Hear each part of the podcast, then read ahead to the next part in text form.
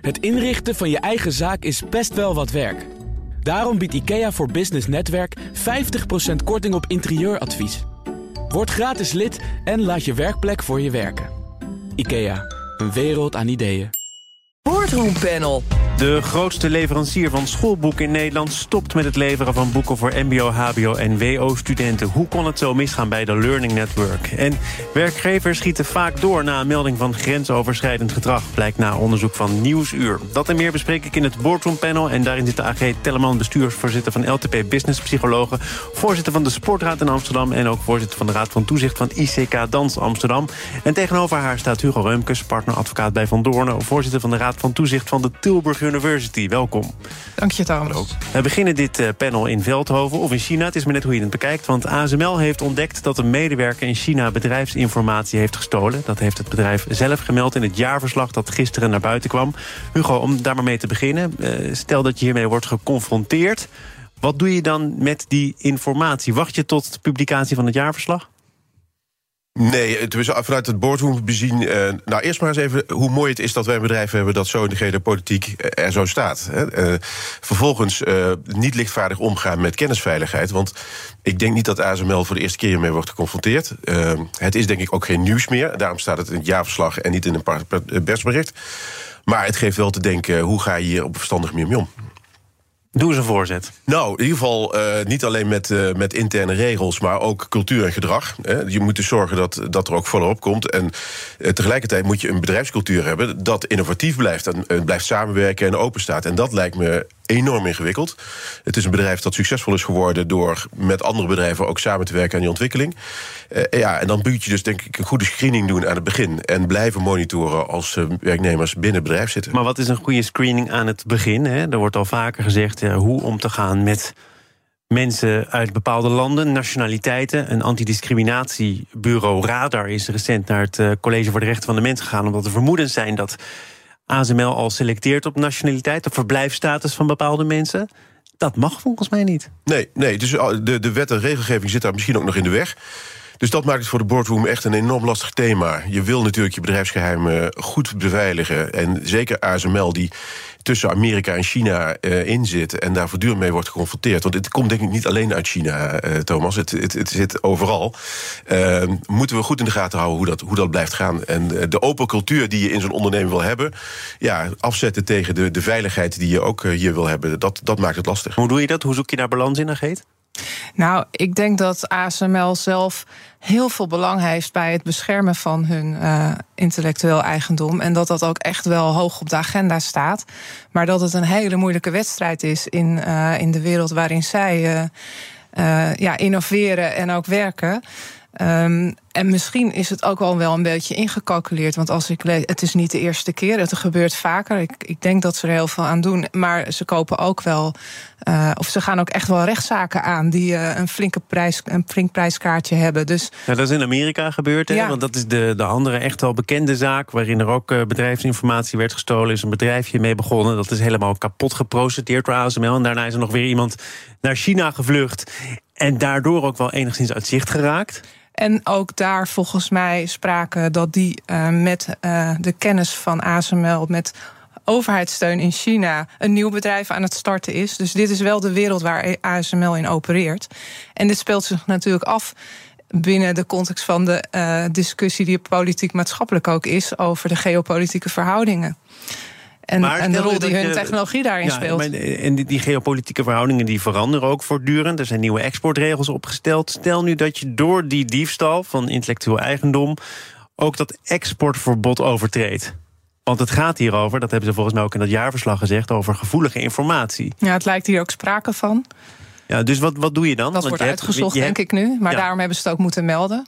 Ja, wat, wat doe je dan? Want je bent natuurlijk niet van plan om die exportregels uh, te overtreden. Dat gebeurt wel door middel van diefstal. Ja, dus dat dat diefstal is, dan, dan is de norm waarschijnlijk... heb je het voldoende beveiligd binnen de regels die er gelden. En Nou, wat, wat vaak daar werkt, is niet alleen uh, dat je allerlei maatregelen neemt bij de voordeur, maar ook binnen het bedrijf zelf. Ja, en echt trainingen gaat organiseren met cultuurgedrag. En zorgt dat mensen ook zelf alert blijven op de werkvloer. En als er verdachte omstandigheden zijn, dat dat wordt gemeld. En niet dat iedereen de andere kant uitkijkt. Nu is het wel zo dat ASML zelf ook zegt, wat er ook gebeurt, wij zijn eigenlijk niet in te halen, niet te kopiëren. Als Peter Wenning, de topman, zelf zegt: joh, al, geef je mensen de ingrediënten, ze komen niet zo ver. Uh, haalt het dan toch ook iets van de waarde van deze diefstal af? Dat denk ik wel. En dat geeft ook aan dat ASML moet blijven innoveren. Als, je, als je voor blijft liggen op de rest, dan, dan zal de rest alleen maar volgen. En dat er mensen zullen zijn die proberen om technologie te stelen, om te kopiëren, dat is tot daar aan toe. Maar die technologie gaat zo snel dat je moet blijven proberen om voorop te blijven liggen. En dan blijf je de concurrentie ook voor.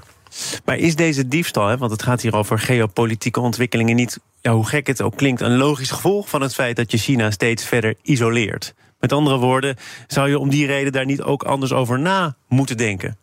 Dat is wat ASML zelf ook zegt. Hè. Zij zeggen doordat er steeds dat China steeds meer geïsoleerd wordt, krijgen wij ook steeds meer te maken met uh, dit soort uh, spionagepraktijken. Nou, ik denk dat uh, deze ontwikkeling al veel, dat zie je ook uit de casuïstiek, al veel langer terugvoert. En dat er nu sinds kortere tijd in de wereld een, een verschuiving is van dat de economische belangen niet meer alleen leidend zijn, maar dat er ook weer echt gekeken wordt naar geopolitieke verhoudingen. En je ziet dat voor ASML, ja, als je de, de reacties van ASML leest, dat zij echt dit beschouwen als uh, een risico voor hun als bedrijf. En dat is ook logisch. Zij zijn een bedrijf en zij kijken wat is ons risico. Maar je ziet dat ook onze minister zo reageert. Zij, zij, zij reageert, uh, dat is zorgelijk, want het is economische spionage. Um, dus dan, dan zie je ook dat als je het echt wil beschouwen als een geopolitiek risico dat dit soort informatie en dit soort technologie gestolen wordt in China, dan zul je daar echt regels voor moeten stellen. Ik las in de reactie van minister Schrijnemacher ook een zekere berusting. Namelijk, ja, ASML heeft al heel veel gedaan. Ja, het risico zal blijven bestaan. Je kunt de deur nooit helemaal sluiten. Nee, dus ik denk wel dat, het, eh, dat, eh, dat ASML als bedrijf er belang bij heeft eh, dat ze dit ten alle tijden proberen te voorkomen maar tegelijkertijd willen ze ook uh, blijven ondernemen. Uh, en dan hebben we denk ik, ja, als we echt zeggen, en daar wordt al jarenlang voor, uh, voor gewaarschuwd, deze technologie heeft echt risico's. Als die te veel in Chinese overheidshanden komt, dan zul je een level playing field moeten creëren. Voor al dit soort bedrijven moet je echt wetgeving maken, waardoor je het, het bedrijfseconomisch handelen beperkt. En je ik zie niet uit de reactie van de minister, maak ik op dat zij dit niet als een geopolitiek risico beschouwd. Want haar, uh, haar opmerkingen gaan echt over: dit is zorgelijk voor een vooraanstaand bedrijf uit Nederland, voor hun uh, technologische ontwikkelingen. En uh, het is economische spionage. Denk jij als je het hoort? Nou, ik denk dat, uh, en dat, ik weet zeker dat ze dat bij ASML ook doen, dat ze een eigen lijn moeten kiezen. Dus het is niet zozeer uh, Amerika tegen China. Ik denk juist dat Europa hier zelf iets moet verzinnen. Ja. En dat ASML een eigen koers moet varen. Want uh, nogmaals, wat ik net zei, het gevaar komt niet alleen uit China. Ik denk dat er andere landen ook naar die technologie zitten te kijken. En het is van belang voor Nederland, maar ook voor Europa, dat ASML die technologie weten beschermen en op een eigen manier hun eh, weg hierin weten vinden. Maar de gedachte dat je China alleen maar uh, uitdaagt, verleidt om tot dit soort praktijken over te gaan door ze te isoleren, is dat te kort door de bocht of niet? Nou, daar zit wel een kern van waarheid in, denk ik. Uh, het is niet good guys, bad guys. er zijn er veel bad guys rondom ASML en dan moeten ze gewoon zich goed verwapenen. We gaan naar het tweede deel van dit panel. BNR Nieuwsradio. Zaken doen. Thomas van Zeil. AG Telleman en Hugo Remke zijn hier de leden van het Boardroom Panel. Schoolboekenleverancier The Learning Network stopt met het leveren van studieboeken aan het MBO, HBO en het WO. De leveranties liepen dit studiejaar en ook vorig studiejaar flink in de soep. En het bedrijf denkt de problemen niet meer op te kunnen lossen. Hugo, hoe moeilijk kan het zijn, het distribueren van studieboeken? Nou, kennelijk heel moeilijk. Ja, uh, tot jouw eigen verbazing of niet? Nee, dat niet. Nee, het is natuurlijk een, een grote speler in de markt. Hè. Volgens mij hadden ze 40% van de markt in handen. Dus dat betekent dat er echt wel serieuze problemen zijn. Ik heb ook het idee dat ze geprobeerd hebben om met, met nieuwe financiers zeg maar, het meer efficiënt te krijgen.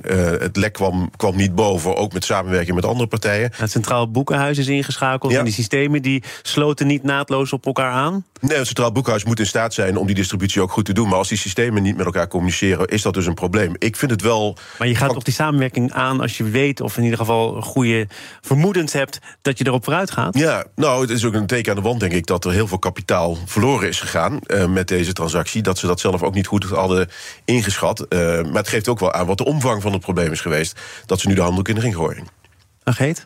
Ja, ik denk dat het bij, begint bij dat de, hun markt heel erg veranderd is. En dat uh, de markt voor leermiddelen uh, heel erg veranderd is. Omdat dat ontzettend is gedigitaliseerd. En het lijkt, en dat moet je altijd met gepaste bescheidenheid zeggen, maar het lijkt erop uh, dat de Learning Network work te laat de slag heeft weten te maken. Dat zeggen ze zelf overigens ook wel hoor. Ja. Dat, dat, ze een bepaalde slag hebben gemist en dat nu moeten inhalen. Ja, maar nou, ze hebben hem gemist. bescheidenheid. Ja, ik denk dat dat ook een hele moeilijke opgave is. Want dit is een bedrijf wat van oorsprong op echt een analoog, het verschaffen van boeken niet digitaal gelezen is. En er zijn ook andere spelers uh, op de markt gekomen die wel veel meer al aansluiten. Die ook, hè, dat lees je ook, dat er ook andere aanbieders zijn die zeggen: ja, wij hebben een schaalbaar digitaal platform. Dus ik denk dat dit een typisch verschijnsel is van uh, creative destruction, waar we gewoon bij staan. Dat, nou, maar er moeten ook nog altijd, echt, uh, maar er moeten nog boeken worden geleverd. En, en dat was, ik heb um, de inmiddels opgestapte CEO mogen spreken net voordat het studiejaar begon. Mevrouw van Nieuwenburg gevraagd wat zij er toen van dacht. En toen zei ze dit. Maar wat we niet moeten vergeten, het is een deel van wat wij doen. Hè, dus wij in- en verkopen van uh, leermiddelen. Maar alles wat wij er al jaren omheen doen, het volledig ontzorgen van de school als het gaat over leermiddelen. Dat is wat wij doen en wat we zullen blijven doen. En dat is ook waar we juist zien dat uh, de toenemende complexiteit in de markt. er meer en meer diensten gevraagd worden door de scholen om ontzorgd te worden als het gaat om leermiddelen. Dat is waar ons bestaansrecht zit, alleen wel met een ander verdienmodel. En dat is accepteren. En dat is ook heel fijn dat we daarom nu een nieuwe aandeelhouder hebben. Die hebben het gekocht op de realiteit van vandaag de dag. Maar de realiteit van vandaag de dag was toen dat het studiejaar zou beginnen. En toen zei ze al, met name over studenten in het MBO. Ja, wij hopen te kunnen voldoen aan wat er van ons gevraagd wordt, namelijk boeken als er weer lesgegeven wordt. Maar wij kunnen niet uitsluiten dat er vertraging optreedt. Ja, ja als je het hebt over ontzorgen, dan betekent het ook dat je moet zorgen dat alles op tijd er is. En uh, in een studiejaar kun je niet permitteren dat de boeken te laat komen. Uh, daarvoor zit er veel druk op en hebben we temponormen en altijd soort zaken waar studenten zich aan moeten houden. Dus het is zaak om, om dat snel te doen. En dat is kennelijk niet haalbaar. Dus ja, kennelijk is nu zo gekozen voor een communicatie dat tijdig voor alternatieven kan worden gezorgd. Maar het is, het is wel, wel schrijnend. En het is ook interessant om te zien dat degene die uh, zeg maar verkocht heeft in de tijd... nu via de Raad van Commissarissen weer terug is in de directie. En is te hopen dat ze het lek wel boven krijgen. Ja, dat is meneer Van der Wind. Die heeft het inderdaad voor 300 miljoen verkocht aan private equity. Die private equity, die investeringsmaatschappij, heeft het belang volledig afgeschreven. Daarna is het bedrijf weer terechtgekomen in de handen van die oprichters. Degene die het eerder hebben verkocht. Meneer Van der Wind was ook commissaris, neemt het nu weer over. Uh, we praten hier ook regelmatig over goed bestuur. Ja. Hoe oordelen jullie, oordelen jullie hierover? Ja, ik denk dat deze persoon het weer overneemt vanuit uh, weer een stukje rust brengen. En uh, hij kent het van haven tot gort. Maar als ik het zelf uh, goed zie, dan denk ik, of ja, beluister en lees, dan denk ik dat het niet alleen deze CEO die nu aftreedt is aan te rekenen. Zij noemt ook, je hoort er net ook spreken van, we moeten ook op zoek naar nieuwe verdienmodellen. Dat is echt iets anders dan alleen automatiseren van jouw processen en, en, en het op elkaar afstemmen van verschillende processen en systemen. Dat gaat echt om vernieuwing in je verdienmodellen. En ik denk dat dat te laat gestart is. En dat is moeilijk, of dat is makkelijk zeggen achteraf. Maar uh, dat is, ligt, die keuzes die je daarop moet maken, die liggen natuurlijk al veel verder terug dan de aanstelling van de CEO die nu aftreedt. Maar hoe moeilijk is het om als je marktleider bent, onbedreigd bent, hè, want dat gevoel zullen ze gehad hebben, ja. zeker met die leveranties van studieboeken. En als dat zo zou blijven, dan waren ze tot in de eeuwigheid waarschijnlijk een heel belangrijke partij geweest om toch rekening te houden met het feit dat het wel eens zou kunnen veranderen? Nou, dat is kennelijk heel moeilijk. En er zijn voorbeelden van bedrijven die op tijd die slag weten te maken en hun verdienmodellen ook echt veranderen. Maar je ziet ook dat als je dat te laat doet, dan kan het zo disruptief zijn dat je de slag niet maakt. En dat lijkt hier uh, te zijn gebeurd. En dat is zorgelijk voor dit bedrijf. Het is ook echt wel een. Uh, ja, uh, dat is met werkgelegenheid, een belangrijke speler in kampen in die regio. maar voor de markt denk ik ja, dat er nieuwe spelers komen die ook veel meer op die digitalisering uh, in, uh, van leermiddelen zijn ingespeeld. Dat hoop ik in ieder geval, maar dat verwacht ik wel als ik het zo lees. Dus ja, dan komen er alternatieven voor de leerlingen en studenten om aan hun boeken te komen. De vraag is alleen: is dat deze zomer al op nou, orde? En het gaat natuurlijk over studieboeken voor leerlingen, voor studenten. Een soort. Uh, ja, nutsvoorziening. Het moet er eigenlijk allemaal wel zijn als je goed onderwijs wil bieden. Afgelopen jaar kwam de Learning Network ook al acuut in geldnood. En eh, daarover zei Van Nieuwenburg, toen nog CEO in het FD... we hebben als marktpartij gezegd... het kan toch niet waar zijn dat we de overheid moeten vragen... dit ecosysteem in stand te houden. Want het ging erom dat als het echt uh, nood aan de man zou zijn... dat er dan een overheidsgarantie zou moeten worden afgegeven... om toch nog bepaalde processen uit te voeren. Uh, Hugo, ik, vraag jou ook even als voorzitter van de Raad van Toezicht... van de Tilburg University. Vind jij dat als het gaat over studieboeken, dat als de markt het niet oplost, dat er dan wel zou moeten worden gekeken naar de overheid? Best een lastige vraag, maar... Ja, ik... daarvoor ben je hier ook. en ik trouwens ook. Ja, nee, maar ik kan me voorstellen dat, uh, dat je dat doet. Tegelijkertijd, als er uh, echt forse bedragen zijn betaald uh, door private equity om dit te doen... dan is het altijd lastig om achteraf te zeggen... ja, daar moet de overheid een rol in spelen. Ik, het geeft volgens mij aan dat als je echt innovatief wil zijn in een markt zoals deze... die ook een piekmoment heeft eigenlijk in het jaar... Hè, je, je moet op dat moment leveren en daarna zal het waarschijnlijk weer wat rustiger zijn... En zoals Argeet zegt, er zitten ook wel echt wat veranderslagen in die, die te laat zijn ingezet. Ja, dan denk ik niet dat je naar de overheid kan kijken. Gelukkig hebben ze uh, niet de enige positie in de markt. Hè. Ze hebben wel een belangrijk marktaandeel, maar ze zijn niet de enige. Dus misschien is het ook wel zo dat door deze ontwikkelingen andere partijen weer opstaan. Uh, mocht het nou niet lukken dan vind ik wel, en dat is dan mijn pet van uh, toezichthouder bij een uh, grote onderwijsinstelling, dat we wel moeten zorgen dat studenten op tijd hun, hun boeken hebben. Hè. Studenten zonder boeken, uh, daar zie ik niet echt. Ja, en hoe gaat het dan gebeuren? Nou, dan moeten de universiteiten of HBO- en MBO-instellingen zelf in dat gat springen en zorgen dat ze dat doen. Dat hebben ze in het verleden ook gedaan. Toen jij en ik studeerde, werd dat, werd dat vanuit die hoek gedaan. alleen die digitalisering die nu nodig is, daar zit waarschijnlijk het grote probleem. En dat heb je niet zomaar overgepakt. Nou, en het onderwijs zelf kan daar ook een rol. Hè. Als ik het lees, dan is toch ook iedereen geschokt dat het gebeurt. Terwijl deze zomer al onmogelijk uh, was om iedereen goed te ontzorgen en de boeken op tijd te, leveren.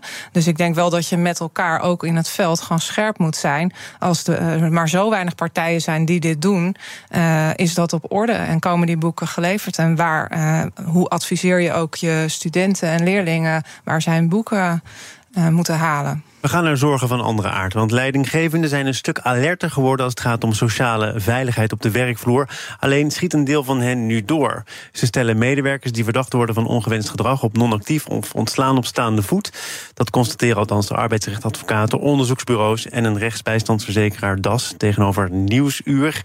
Eh, is dit een gevolg van de maatschappelijke druk, de maatschappelijke discussie die er ook gevoerd wordt, Ageet? Ja, ik zie het zelf ook al wel als een, weer een soort van uh, gezonde tegenspraak op het moment dat er iets heel erg gecorrigeerd is. Ik denk dat we in de samenleving gewoon anders zijn gaan spreken, denken over bepaald gedrag. Dat we de grenzen nu anders stellen en eerder stellen. En dat er ook een aantal zaken aan het licht zijn gekomen waar we ontzettend van geschrokken zijn. En ook daardoor veel meer grensoverschrijdend gedrag naar boven komt. En dan zie je ook dat we nu al, eh, ja, op heel veel plekken heel hard daarop proberen te acteren. Maar is het nog een gezonde tegenbeweging dan? Als eh, nieuws u moet constateren op nou, basis dat van vind ik dus nu ook weer. Dat, ja, dat, bedoelde ik eigenlijk. Oh, okay, ja, ik vind dat Nieuwsuur iets, iets terecht uh, aan de orde brengt. Dat we misschien weer doorschieten. En ik denk, als je als werkgever reageert op incidenten... één, daar gaat al iets heel erg aan vooraf... dat je al een cultuur moet hebben die tot psychologische en, en sociaal veiligheid uh, leidt. En ten tweede, een incident tussen twee personen vaak. Uh, je hebt natuurlijk voor, voor al je medewerkers een verantwoordelijkheid. Dus het is heel belangrijk om rust te bewaren en onderzoek te hebben. Want het, de verhouding slachtoffer-dader is in sommige gevallen blijkt die andersom te zijn. En we hebben recent een zaak gehad waar dat ook gecorrigeerd is. Volgens mij was dat bij de Primark, als ik het uit mijn hoofd zeg. Uh, waar ook echt een wraakactie van een medewerker was richting een manager. En daar heeft de rechter ook ingegrepen. We gaan er dan praten in deze ruimte. Ja. Want uh, er gaan nog wel wat dingen mis. Uh, Nieuwsuur sprak met een advocaat die ook zegt dat uh, de beklaagde vaker niet dan wel op de hoogte is van het feit dat er überhaupt een melding is en de inhoud daarvan. Ja.